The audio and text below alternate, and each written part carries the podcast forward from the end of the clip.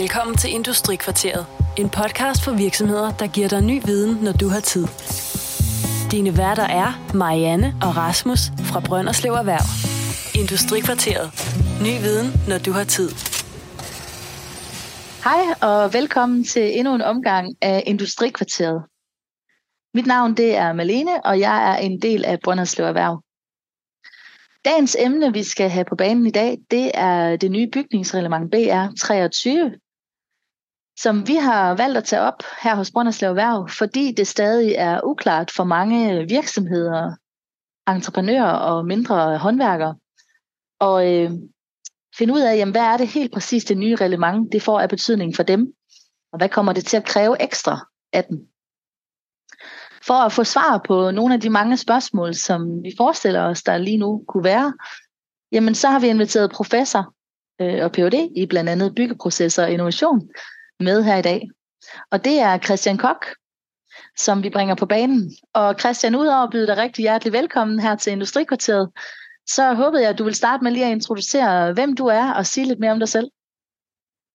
Tak skal du have, og tak for invitationen. Jamen, øh, jeg arbejder med øh, udviklingen af øh, byggeprocesser øh, i den danske byggebranche. Jeg interesserer mig for alle slags firmaer, der arbejder i branchen, det vil sige arkitekter, rådgivende ingeniører, entreprenører, ejendomsselskaber, øh, bygherrer og driftsherrer. Øh, jeg har igennem årene været ansat på en hel del forskellige universiteter. Øh, jeg har været ansat på Aarhus Universitet i en periode, hvor jeg sad ude i Herning, og så på vestjyske virksomheder. Jeg har været ansat i Göteborg på noget, der hedder Chalmers Teknisk Universitet, med, med samme interesse som den, jeg arbejder med nu. Og øh, øh, jeg har ikke været med altid. Jeg har været øh, øh interesseret i at arbejde med byggebranchen siden 1999.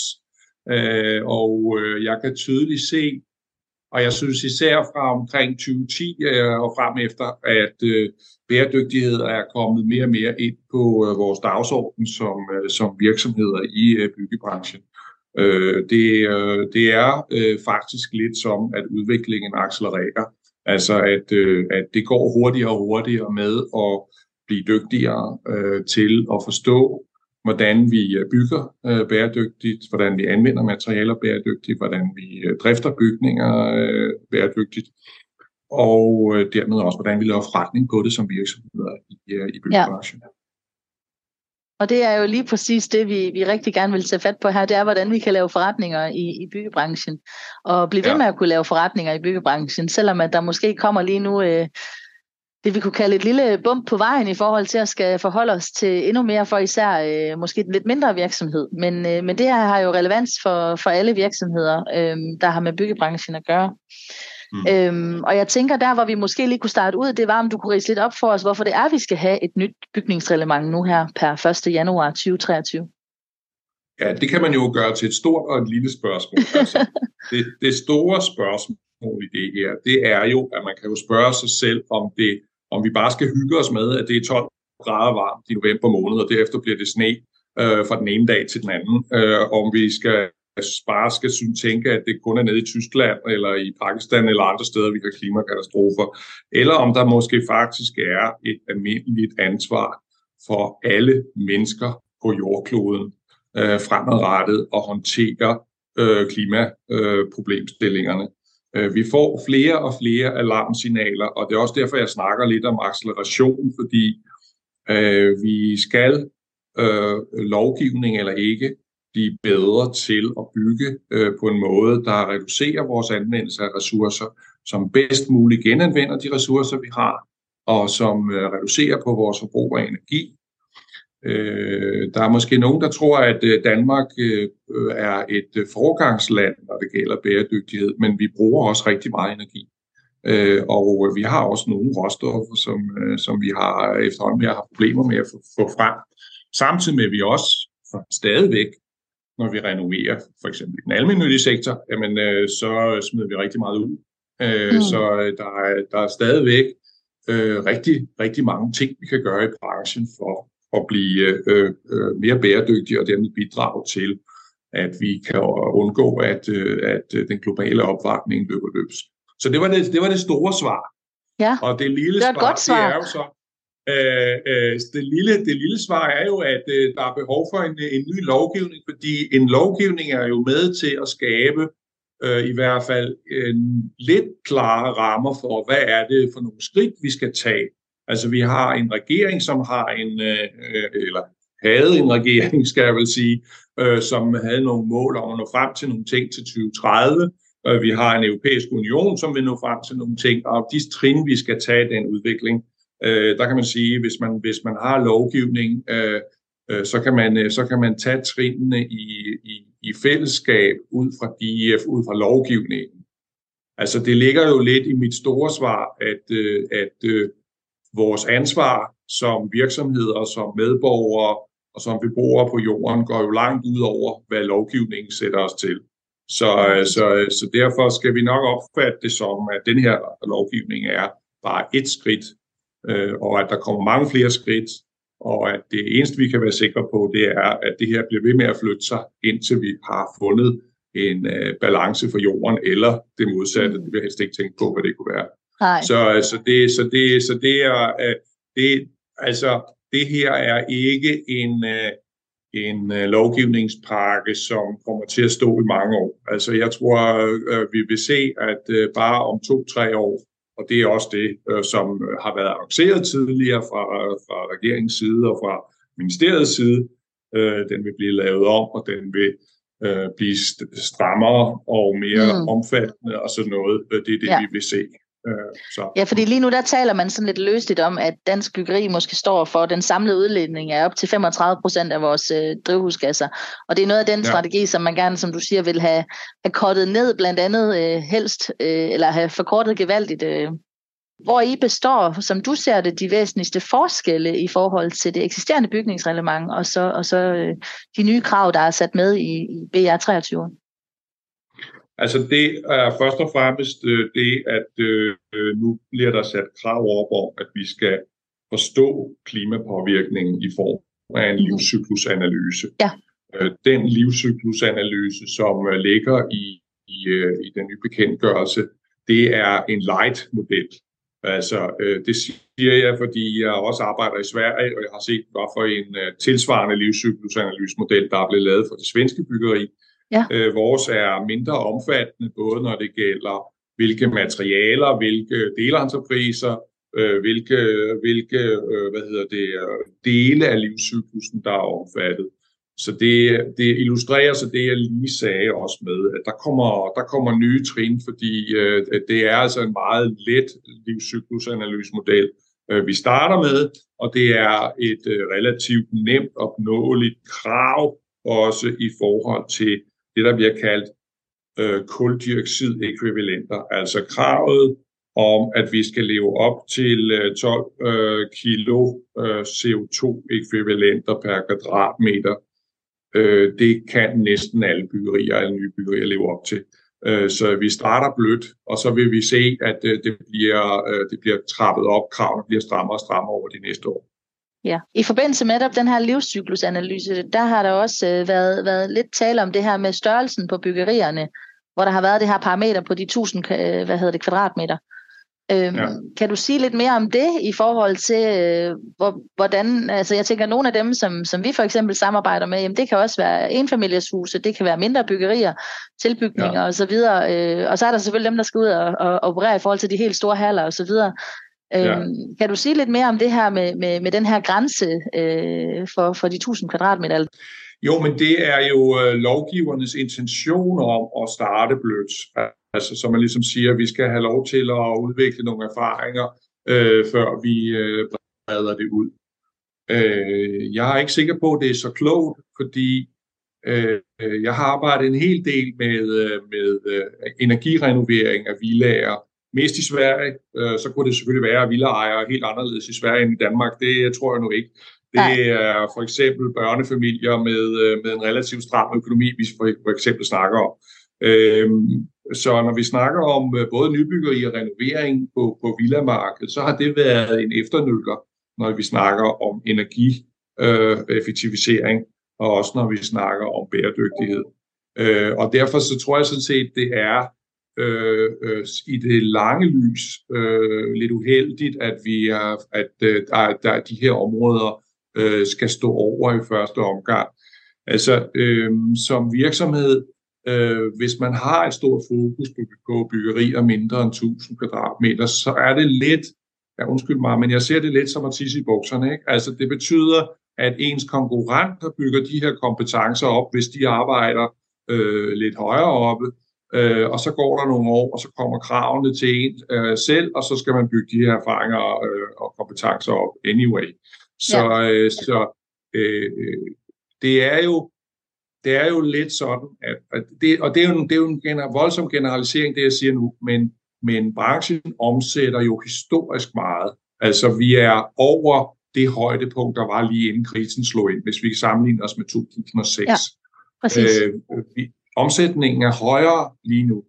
Det betyder, at det, der er det største problem, vi har, det er at skaffe flere hænder. Altså, så hvis ikke vi kan investere i bæredygtighed øh, nu, jamen øh, så kan vi aldrig gøre det, fordi vi har simpelthen ikke bedre betingelser end dem, vi har lige i øjeblikket. Så ved jeg godt, at hvis vi tænker om Region Nordjylland, så kan man godt se nogle tendenser til uden for Aalborg. Altså der er forskel på Aalborg og regionen, øh, at det, det måske kniver lidt mere med, med udviklingen af nye byggerier der. Altså det, det er, der har været lidt nogle tendenser til, at øh, det går lidt mere ned end i resten af Danmark. Øh, så derfor er der måske nogle særlige udfordringer i Brønderslevs større nærområde, som man også skal tænke med i det her. Øh, Jamen, vi har, vi har gang i mange ting, så det, vi ja, håber, vi kan gøre det til skamme. ja, det, øh, men det, og det har vi nemlig også nogen på banen med, men det, hvad hedder det, men ja, du har helt ret, det, altså der er selvfølgelig forskel på den, der er selvfølgelig Ja, så, øh, men det skal du også få lov at se. Men hvad hedder det? Men der er selvfølgelig forskel, og det har du helt ret i. Der er forskel ja. øh, på både vores, øh, øh, hvad det er for type byggerier, vi skal lave, men også i forhold til, øh, til størrelse og så videre. Så jeg synes, det er rigtig ja. interessant det her med, at du siger, at, at der er lige nøjagtigt nu en, en mulighed for at sige, at vi skal altså huske at gribe bolden, øh, og så måske følge med, inden det bliver for komplekst og, og skulle samle op eller følge med på, på, på andre. Det er en diskussion, som selvfølgelig også er rigtig svær, og det er jo, hvornår begynder øh, villa-byggere, øh, folk der gerne vil bygge et nyt hus, hvornår begynder de også at stille bæredygtighedskrav? Altså, øh, men, hvis jeg trækker på mine erfaringer fra, fra Sverige, jamen jeg, jeg kaldte det øh, bekvemmelighedsrenoveringer. Altså man vil hellere have et stort lækkert køkken og et nyt badeværelse, end man vil investere i at isolere sin kælder øh, mm. og lignende. Ikke? Så, så på den måde, så kan man sige, at, at øh, der er en særlig, der er et segment af, af grønne øh, husbyggere, øh, som gerne vil bæredygtighed. Øh, det ved vi altså, det kan vi se på, hvem det er, der køber de huse, der er, ja. øh, der er særligt bæredygtige. Ikke? Øh, men, øh, men det segment øh, skal jo helst være meget større, øh, før det så rigtig kan betale sig for, for, for små håndværkere at satse på det. Øh, og der er der et stykke vej hjem. Altså, jeg oplever stadigvæk, at, øh, at der er relativt mange villaejere, som, eller villaudviklere, eller hvad vi skal kalde dem, som, øh, som fokuserer på andre øh, værdier. Øh, men, men overordnet set, så det, der er ved at ske med, med, med bæredygtighed, det er, at det bliver en værdi for bygherren. Det vil sige, mm. at øh, de omkostninger, vi har, når vi bygger, jamen, øh, der ses det som, altså, at øh, det modsvarer nogle nye værdier. Ja. Øh, øh, og det er de, de nye værdier, øh, det, det vil øh, lovgivning øh, og den internationale udvikling altså faktisk øh, presse rigtig meget på over de næste år. Så vi kommer til at se en, en, øh, en ny slags økonomi simpelthen. Ja. Vi kalder det ressourceøkonomi. Altså en økonomi, hvor, hvor CO2-ekvivalenterne øh, øh, er lige så meget værd, som øh, kronerne er. Øh, og der, i, den, i den slags økonomi, der er det helt oplagt at konkurrere på bæredygtighed og vinde øh, de projekter, som har bygherrer, som er interesseret i det, og skabe den værdi for dem. Ja. Øh, og det, øh, det er der mange mekanismer, der skal til øh, for at opfylde det. Jeg er sådan ret optaget af, at, øh, at det, der hedder Dansk øh, Green Building Council, som jo er dem, der står bag ja. ved den her certificering, som hedder DGNB, Øh, jeg ved ikke, jeg har ikke styr på DGNB i Brønderslev, men jeg vil, vil skulle så sige, at i Jørgen og i, uh, i Aalborg, der ved de, hvad DGB er i hvert fald. Ja, altså, det, ved, det, det ved vi også godt i Brønderslev. okay. Altså, Øh, øh, altså, så det, det er, en, øh, det er en, øh, en af de mange tendenser til at bygge mere bæredygtighed, man kan følge med i. Det er, hvad DGNB gør. Det er et godt sted at være, altså et netværk at være med i, det er Dansk Green Building Council. De har ja. lavet en undersøgelse af øh, 39, tror jeg det er. De forsøgte at lave det på alle dem, de havde, men det kunne de ikke af forskellige årsager. Men de forsøgte faktisk at undersøge, om bæredygtighed koster penge. Ja. Jeg ved ikke, om, om I kender den undersøgelse, men den, øh, den viser, at det, det kan man ikke vise. Nej. Bæredygtighed er ikke, er ikke dyre. Det, det, det hænger jo lidt sammen med, altså det der, vi har et slagord i branchen, der siger, at alle, hver eneste byggeri er unikt. Øh, det er jeg nu ikke helt enig i, og det viser undersøgelsen heller ikke, fordi øh, der er nogle klostre i tallene, som viser, at hvis det er etageejendommen, jamen så ligger øh, et højt niveau af bæredygtighed inden for et, et vist omkostningsspænd, men øh, de ligger stort set på det samme øh, øh, øh, bæredygtighedsniveau i forskellige øh, omkostningsklasser, ikke? for eksempel. Ikke? Præcis. Og for mig handler det rigtig meget om, hvordan prisdannelsen på materialer og på arbejde og alt sådan noget ser ud i byggebranchen, som er en anden lang diskussion, vi må tage en anden dag, ikke? men som jo, jo. indebærer, at der er en, en rimelig stor variation på, hvad det koster at bygge. Og derfor så uh, bliver bæredygtighedsinvesteringen uh, et element i den prisspredning, vi faktisk allerede ser. Og derfor så, uh, så kan man ikke, ikke så tydeligt sige, at det er det er dyrere at investere i bæredygtighed, end at lave et dyre parketgulv eller en dyre køkken, Nej. eller hvad det nu ellers skulle være elementerne i byggeriet. Og det, og, det, og det er jo det, der gør det interessant, tænker jeg. Og det er jo, og det er jo også der, jeg tænker, man kan, man kan begynde at, at lege med tanken om, hvad der bliver lagt ind i, i såvel øh, udstykninger og krav til, til de kommunalplaner, og hvad vil jeg ellers, der må blive lagt ned over ja. os, både som borgere, ja. men også som bygherre og så videre. Øhm, ja. Hvor jeg tænker, at der, der, som du siger, der kan, man, der kan lovgivningen være et parameter til ligesom at så sige, nu stiller vi nogle krav, og så må vi jo så leve op til dem, hvis det er der, vi vil være. Øh, og så, så kommer økonomien ligesom sekundært, selvom den selvfølgelig er et element, men så kan vi ja. blive nødt til at sige, at vi skal leve op til de krav, der, der nu engang er sat, yes. eller det, der bliver krævet af os. Så det, øhm, yes. det tror jeg, det, du er helt ret. Og det, og, og, og, altså, fordi nu, nu, nu øh, var vi lidt inde på, at lovgivningen ligesom dækker nogle ting, og ikke dækker andre ting. Ikke? Og altså, der har været, det har været diskuteret, hvorvidt øh, lovgivningen skulle dække ressourceanvendelse på byggepladsen. Altså, hvor meget vand bruger vi på pladsen, hvor meget elektricitet bruger vi, hvad for nogle ressourcer bruger vi på at transportere byggematerialerne til pladsen, øh, og den slags parametre. Og det er ikke med i den nye, øh, den nye lovgivning. Så, øh, så, så derfor øh, øh så kan man sige, når man, øh, det kan man så øh, vælge, og som entreprenør sige, jamen det, øh, øh, det venter vi så bare med, indtil de øh, får lavet lovgivning om to års tid. Men altså de øh, forandringer, der skal til for, at man kan få styr på de der ting, de hænger rimelig godt sammen med, hvor man også kan lave forretning. Altså man kan stille alle mulige, nu bliver det meget, meget detaljeret, men altså har man brug for en frostsikring i en container, der indeholder byggematerialer? Altså, hvor mange frostdage om året har vi? Nu skal jeg jo passe på med klimaforandringer og sådan noget, men, men normalt har vi ret få frostdage om året. Så er det virkelig nødvendigt at frostsikre en container i 200 dage, kan man spørge. Øh, er det også nødvendigt at have lyset tændt i containeren om natten, kunne man spørge. Altså det jeg er ude efter, det er, at øh, det at tænke på ressourcerne på pladsen, hænger, det går hånd i hånd med forretningen. Helt rigtigt. Øh, øh, og, og øh, derfor kan man i mange tilfælde øh, bygge en kompetence op, hvor man styrer sine ressourcer bedre, end man gjorde før. Ja. Og så, og så faktisk få forretning ud af det, og så er man jo, vil man jo så være klar om to år, når, når lovgiverne så får, jeg undskyld mig, taget sig sammen til at stille det her fornuftige krav om, at man skal tænke ressourcemæssigt også, når man har en byggeplads kørende. Ja. Øh, en, anden, en anden finurlig detalje i det, der, det er jo, at Marius Petersen og de andre, der håndterer affald, de er faktisk i fuld gang med at blive meget bedre til at hjælpe entreprenørerne med at dele, øh, dele op i fraktioner og sådan noget. Og, og mange af de uh, transportører af byggematerialer, vi samarbejder med, det vi tænker på Stark for eksempel, jamen uh, de vil godt kunne give små entreprenører informationerne om, hvor meget uh, transport af materialerne de har jo været i gang med. Så det betyder altså faktisk, at der er nogen rundt om entreprenørerne, der kan hjælpe dem med at lave forretning på det her. Ja, øh, det, så du ser allerede nu, at, at produktbladet og hvad der ellers måtte være af, af hvad hedder sådan noget, øh, historik omkring det enkelte produkt og hvad det, hvad det har, har kostet at fremstille osv., at det er på markedet, og det, er egentlig noget af det, vi allerede nu kan bruge til hjælp til at tænke ind i, hvordan vi får løst det her med at kunne leve op til livsstilsanalyser. Jeg vil godt sige produktbladet, men det jeg snakker om er noget andet. Jeg snakker ja. om det ude på pladsen. Ikke? Ja. Produktbladene, altså jeg tænker det som det, der hedder EPD'er, Environmental uh, Product Data. Og, øh, og det er jo et værktøj til at forstå, hvad klimapåvirkningen af materialerne er, og det er noget, man skal bruge, når man skal lave de her LCA-beregninger.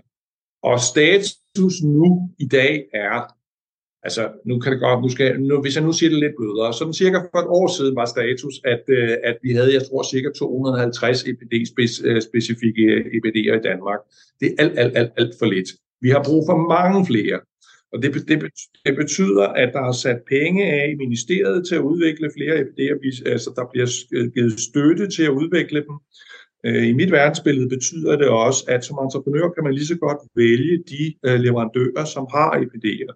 Altså, you name it, Knauf med deres gipsplader, øh, øh, Randers Tegl med deres mursten, eller altså den slags øh, øh, leverandører, Øh, jeg ser, at de har i dag en konkurrencefordel, fordi de har de her informationer klar. Ja. Øh, og jeg ser også, at dem øh, kommer entreprenørerne at få rigtig meget mere glæde af i fremtiden, end de allerede har. Ikke? Altså, så så, så der, der er ligesom en dobbeltmekanisme i det. Der bliver skubbet på at lave flere produktdatablade, der indeholder de her, de her miljøinformationer, og så bliver der også trukket mere, fordi at, øh, at folk efterspørger, mm, når de køber materialer ind til deres ja. byggeri. Så det du egentlig også siger der, det er, at, at, at markedet er gearet til ligesom at, at, at kunne levere de ting, som der er krævet. Nu skal vi bare gå i gang med også at bruge dem, og så, og så egentlig kan tage fat på dem. Ja, altså, øh, nu fristes jeg jo igen til ligesom at øh, vende tilbage til, hvad, øh, hvad nogle Aalborg-entreprenører sagde til mig for et års tid siden. Ikke? Ja. Ah, men altså i Nordjylland, der er vi altså lidt bagefter med, med bæredygtighed. Nå, okay. okay. Det er så ikke helt det, jeg synes, jeg kan se. Altså, fordi det, det jeg synes, jeg, jeg kan se, uh, som jeg siger, uh, materialleverandører, folk, der øh, øh, øh, sælger materialer, øh, små entreprenører, som har lavet guld DGNB og, og så videre. Det ser jeg alt sammen i Nordjylland også. Så jeg er ikke sikker på, at det helt holder længere, det der med, at Nordjylland per definition er bagefter. Jamen det er godt, Christian. Hold lige fast i den der over. Det kan jeg godt lide, du, at du kan være med til at bringe på banen. Rigtig, rigtig godt. Øhm, men Christian, i al den her snak, øh, vi er ude i lige nu, som, som jeg tænker er, er rigtig, rigtig relevant for netop øh, dem, som vi rigtig gerne vil, øh, vil øh, invitere inden for her. Øhm, der kunne jeg godt stå, stadigvæk lige sådan tænke mig at sige, øh, i forhold til at være, være en mindre entreprenør, og i forhold til at stå med de helt store byggerier, øh, er der nogen af dem, øh, du har været lidt inde på det, vi kan lige så godt tage fat på det alle sammen, men, men er der nogen af dem, hvor du tænker, jamen der, der skal man måske virkelig lige øh, steppe op, eller tænke, at der skal bruges nogle ekstra ressourcer på, på at, at få etableret den her øh, måske rådgiverkontakt eller noget andet? Altså, ser du nogle, nogle, nogle krav der? Jeg er nok lidt præget af, at jeg lige har taget med nogen, der bygger haller, altså øh, fabrikshaller. Og altså, øh, jeg øh, oplever, at, øh, at øh, på det område, og det handler også lidt om, at jeg har noget samarbejde med folk i Norge og Sverige på det område. Øh, meget, meget lidt, sådan det er ikke meget, det er ikke sådan, at jeg kan markedsføre mig selv som ekspert af LCA på fabrikshaller overhovedet ikke. Det skal jeg vil gerne understrege. Men, men det billede, jeg får, er, at der er kunderne måske lidt mere søgende, end øh, vi er, når vi snakker de større, øh, de større institutionsbyggerier, når det er de offentlige bygherrer, når det er pensionskasserne, øh, og også lidt mere søgende end, øh, end andre dele, altså når vi snakker kontorbyggerier og sådan noget, altså andre dele af erhvervsbyggeriet. Øh, øh, altså, der er jo flere grunde til det, ikke? Altså, det bliver så meget hurtigt til en diskussion om beton og stål, altså som nogle vigtige øh, materialer i, i bygningen af fabrikshaller. Øh, og altså, øh, så, så, så, så der så, så jeg i den dialog, jeg havde både med entreprenører og folk, der har lavet projektudvikling på det der område, et, et perspektiv i at lave noget mere netværkssamarbejde og, og opbygge, opbygge de her, den her dokumentation i fællesskab, i stedet for øh, måske at ligge og rode med det hver især. Ikke? Og der, vi snakker jo selvfølgelig konkurrence, ikke? Og, øh, og jeg forudser jo, det har jeg allerede sagt, at øh, vi får meget mere konkurrence på bæredygtighed, end vi har haft tidligere. Og jo mere vi får det, jo sværere vil det jo så blive at kunne samarbejde om det, desværre. Men jeg ser et perspektiv i, at man netværkssamarbejder i øh, lokalområdet, øh, i regionalen, men også på dansk nationalplan, i de øh, organisationer, vi har, you name them, ikke? altså We Build Danmark, øh, øh, øh, Dansk Industri, Byggeris, lokalafdelinger osv. osv. Ikke? Ja. At, at et rigtig godt øh, signal at sende med her, at, øh, at nok er vi konkurrenter, men vi skal stadigvæk huske, at, øh, at med samarbejdet, der kan, vi, der kan vi hjælpe hinanden til at blive bedre på, på mange fronter. Ja. Og hvad, hvad i øvrigt også fremgik det jo så også af min diskussion med de her halvudviklere, at de øh, der sådan set ikke har noget problem med 12 øh, kilo CO2-ekvivalenter per kvadratmeter. Det kan de sagtens leve op til. Det er jeg ikke overrasket over. Øh, og det jeg så siger til dem og siger til alle, det er, at forvent, at kravene bliver skarpere, og det gør de øh, måske ret hurtigt. Og måske viser det øh, de næste års tid også, at konkurrencen vil komme til at ligge på 6, 7, 8 kilo øh, CO2 for nogle byggerier og noget andet for nogle andre. Svenskerne ja. har faktisk valgt at lave deres system sådan, at det er differentieret på forskellige bygningstyper. Så der er en øh, grænse for øh, øh villager, en anden grænse for øh, etageejendom og en tredje grænse for, for erhvervsbyggeri. Øh, det giver god mening i mit hoved at gøre det sådan, fordi det er nogle forskellige øh, materialer, der bliver brugt og sådan noget. Så det, kan så øh, øh, det, kunne, det kunne måske være en vej frem øh, øh, i et netværkssamarbejde omkring fabriksbyggeri. Ikke? Altså at man, at man i fællesskab finder nogle, nogle øh, grænser, som øh, man vil tilbyde sine kunder at kunne leve op til. Og der, der, det jeg hører, det er, at man kan sagtens leve op til 12 øh, kilo. Så. Christian, øh, inden jeg sådan lige bevæger mig hen til, til, til noget af det sidste, jeg også gerne lige vil høre lidt mere om, det er, det er nemlig processen øh, i det her. Så, så kunne jeg godt lige tænke mig at sige, øh, hvis vi sådan helt hardcore skulle, skulle komme med, med, med dine bedste anbefalinger til, til, til den virksomhed, der lige nu står og siger, okay, nu, nu kommer der altså noget nyt her per, per 1. januar. Hvor, hvor starter jeg med at finde hoved og hale i alt det her, og hvad er, mine, øh, hvad er de første ting, jeg skal tænke på øh, med din rådgivning? Mm. Mm. Øh, find en løsning for, hvordan du får den viden og kompetence, der skal til for at håndtere det her. Øh, det er ikke givet, at du skal ansætte en ny medarbejder, men hvis vi er op over 200 ansatte, øh, så vil jeg øh, mene, at så kunne man lugte til at øh, ansætte en, øh, en øh, miljømedarbejder eller en bæredygtighedskoordinator eller lignende. Ja. Øh, men man kan også organisere sig til det. Altså man kan selvfølgelig betale sig til det med konsulenter, men man kan også, som, øh, som jeg var inde på før, gøre det via netværk og sådan noget. Det er ja. rigtig vigtigt at opbygge kompetencerne om det her. Og mit forslag er også, at øh, at udnytte konkurrencemæssigt og lægge en lille smule foran, hvad lovgivningen siger. Altså sådan, at man kan tilbyde sin bygherre øh, noget mere bæredygtighed, end det man absolut skal. Øh, så kan bygherren jo så vælge at, at sige, det vil vi ikke betale for. Øh, det, øh, vil være, undskyld mig, dumt at bygge her, men fordi, fordi så vil man i løbet af tre eller fire år, så vil man se, at, det, at nybyggeriet overhaler ens øh, relativt nye byggeri, øh, ja. som måske bare er tre år gammelt, så vil man allerede da stå med noget, der har reduceret værdi, fordi det ikke lever op til de nye bæredygtighedskrav.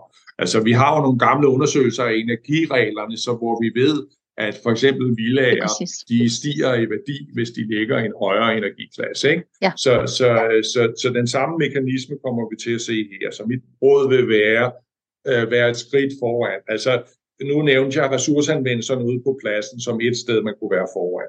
Men det kan også handle om øh, el- og VVS-delen af LCA-analysen hvor, øh, som, som, er, som, ikke, som ikke rigtig er med i den, nuværende, i den nuværende lovgivning. Altså det, der kommer fra 1. januar, det dækker ikke det område. Man tager de tungeste områder først, og det gør man i den her ånd med at skabe let lovgivning. Så vær to skridt foran, øh, og vær klar over, at du skal omstille dig igen til et nyt sæt regler inden for de næste to år. Så lad være med at grave dig for meget ned i, øh, i øh, den nuværende så øh, nu, det her, næste, det her, så jeg siger nu, opfatter jeg nok næsten som uartigt, men det kunne være, at man skulle lade være med at uddanne alle sine medarbejdere i bæredygtighed i morgen, fordi man kan forvente, at det er smartere at gøre det om et år. Altså, okay. og så foretrækker at have en lidt mere ekspertorienteret løsning, fordi den kan du hurtigere flytte øh, til det næste sæt krav. Øh, det er ikke nogen, øh, et råd, jeg er glad for at give, fordi øh, jeg kan godt lide, når når alle øh, håndværkere og en entreprenør faktisk ved, hvad bæredygtighed er for noget, og kan tage nogle bæredygtige beslutninger i dagligdagen, øh, både når det gælder processerne ude på pladsen og valg af materialer osv. osv. Så derfor er det, at jeg tror på den lange bane, så er vi nødt til alle sammen at blive meget dygtigere til det her. Øh, ja. Så derfor er den langsigtede løsning, det er at uddanne alle til at håndtere det her. Men jeg kan godt se en, en, en altså jeg, jeg havde en administrerende direktør for en mellemstor entreprenør i Nordjylland, som jo øh, som sagde til mig, at ah, vi arbejder sgu ikke med bæredygtighed, det må du spørge nogle andre om. Og så øh, to måneder senere, der opdagede jeg så, at de havde da faktisk bygget det igen et guldbyggeri et eller andet sted. Men direktøren vidste det ikke. altså, det er et meget så, godt eksempel. Så, i nogle virksomheder, der er der behov for at få mange ting til at hænge bedre sammen. Og ja. det er også det her. Ja. Godt. Det var, det, var, det var med et par hurtige råd. Jamen, det var nogle gode råd, Christian. Dem siger vi i hvert fald tak for. Jeg vil, øh, jeg vil til allersidst, øh, hvad hedder det, gerne lige spørge lidt ind til det her med, at øh, nu talte vi lidt om, at det her, det har jo stået på igennem øh, en længere periode, og du har jo især her de sidste, fortalte du mig, halvanden til to år fuldt processen, øh, blandt ja. andet via de kolleger, du har haft, som har været decideret øh, i maskinrummet osv., men også i forhold til, at du kunne se, hvad har det her betydning, hvordan reagerer vi, og sådan nogle ting, fordi det er selvfølgelig også noget af det, du ja. interesserer dig for. Kunne du, kunne ja. du sige lidt mere omkring de her øh, processer, du har fulgt? Eller hele processen, undskyld.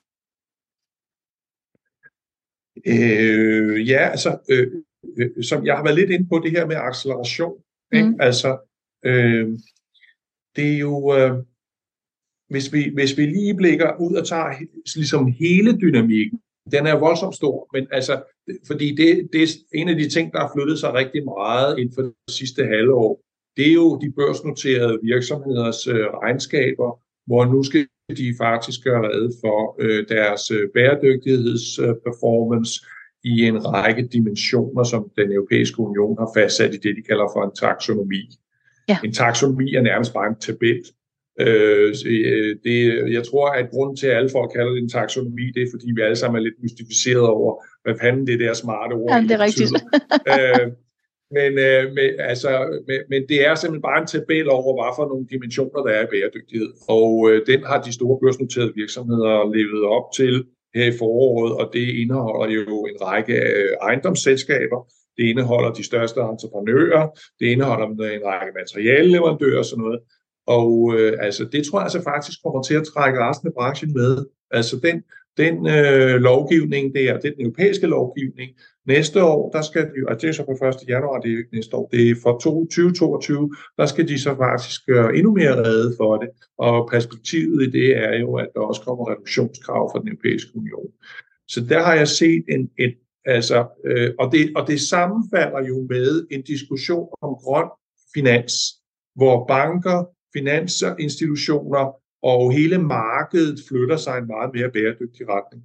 Altså, jeg samarbejder med en lille, en lille anlægsentreprenør i Uddevalla øh, i Sverige. Hun kom så og siger til mig her den anden dag, min bank har spurgt mig, om ikke jeg investerer grønt. Altså, øh, de synes, jeg skal købe en elektrisk øh, øh, entreprenørmaskine. Det var Danske Bank, der havde spurgt hende om det, og hun var i hvert fald nede af stolen, og det var jeg også. Fordi det er altså ikke hver dag, vi er udsat for, at bankerne kommer og spørger en, om ikke vi kan investere grønnere. Øh, og, og det illustrerer, at der er nogle, nogle, nogle, nogle stærke dynamikker øh, rundt om øh, den danske regeringslovgivning og den nye lovgivning, som er vores udgangspunkt for vores snak i dag, ikke? Øh, som, øh, som lidt altså i al stilfærdighed gøre, at den danske lovgivning den bliver så reduceret til naturlig størrelse, kan man sige, fordi der er nogle, nogle andre mekanismer rundt om øh, øh, den, som, som er ganske Ja, som skubber stærk. på og, ja, og presser på. Ja. Skubber ret meget på, ikke? Ja. Og altså, øh, Ja, nej, nu skal jeg nok passe på, at jeg ikke bliver for fræk, men altså, der er, jeg kan se nogle, uh, nogle entreprenører i Jylland, som flytter, så lad mig bare sige det sådan. Altså, så øh, øh, uden, uden at hænge nogen ud ved navn, jamen, øh, så, så selv i den konservative del af byggebranchen kan jeg se for bevægelsen, ikke? Altså. Jo. Så den er kommet for at blive uanset om vi, om men, vi vil det eller ej. Men det var, jeg tror ikke, det var det, du tænkte på med dit spørgsmål. Øh, der er også en, en øh, kæmpemæssig øh, øh, lovgivningsdiskussion om, hvordan skal vi formulere de her krav. Hvor skrabe skal de være? Hvor omfattende skal de være? Og det har der været øh, meget diskussion om. Altså, øh, jeg synes, altså det har noget at gøre med, hvad jeg har forsket i gennem årene og sådan noget. Altså, altså jeg synes, jeg har set et antal gange, at skrabe lovgivningskrav, det betyder, at branchen tager sig sammen. Altså et, et klassisk eksempel er den kvalitetsreform med Byggeskadefonden, som blev lavet over for det almindelige øh, boligområde, hvor vi for 20 år siden havde kæmpe problemer med alle mulige byggeskader, og hvor etableringen af det her garantiordning og forsikringssystem faktisk gjorde, at, øh, at øh, antallet af alvorlige skader faldt meget markant. Så fik vi de her kære MGO-plader, som selvfølgelig øh, var et grimt styrt i sammenhængen, men øh, det, det generelle billede var, at den reform responderede entreprenører og byggebranchen rigtig godt på. Øh, så det synes jeg er et klassisk eksempel på, hvad en stærk lovgivning kan gøre. Og der er jeg ikke sikker på, at, der, at det er en god idé at vente. Altså, øh, og det, det vil jeg holde dig fast på lige nu, øh, fordi jeg tænker egentlig, at det er et meget godt, øh, hvad skal man sige, afslutningspunkt okay. for netop den her fantastiske... Jamen det, det er, fordi jeg synes virkelig, du har gjort det godt, Christian, og det, og det skal du have med dig. Øh, jeg synes, du har sat nogle rigtig interessante perspektiver på her, netop i forhold til at sige, hvordan er det, vi griber det her an, og, mm. og hvad er det, vi skal arbejde med. Og jeg synes også, det giver os øh, belæg for at sige, at, øh, at vi skal, at vi skal, vi skal snakke meget mere sammen om, øh, omkring det her. Så øh, Christian, jeg vil sige dig tusind tak for, at du lige vil være med her i dag. Tak for invitationen, som sagt. Det var fornøjelse. Selv tak. Du har lyttet til Industrikvarteret. Industrikvarteret produceres af Brønderslev Erhverv og sendes gratis til inspiration for dig. Vil du høre tidligere episoder, kan du hente dem på brønderslevererhverv.dk eller iTunes. Der kan du også abonnere på dem som podcast. Du kan kontakte os på erhvervsnabelag 99 3x45.dk eller på telefon 99 45 52 00.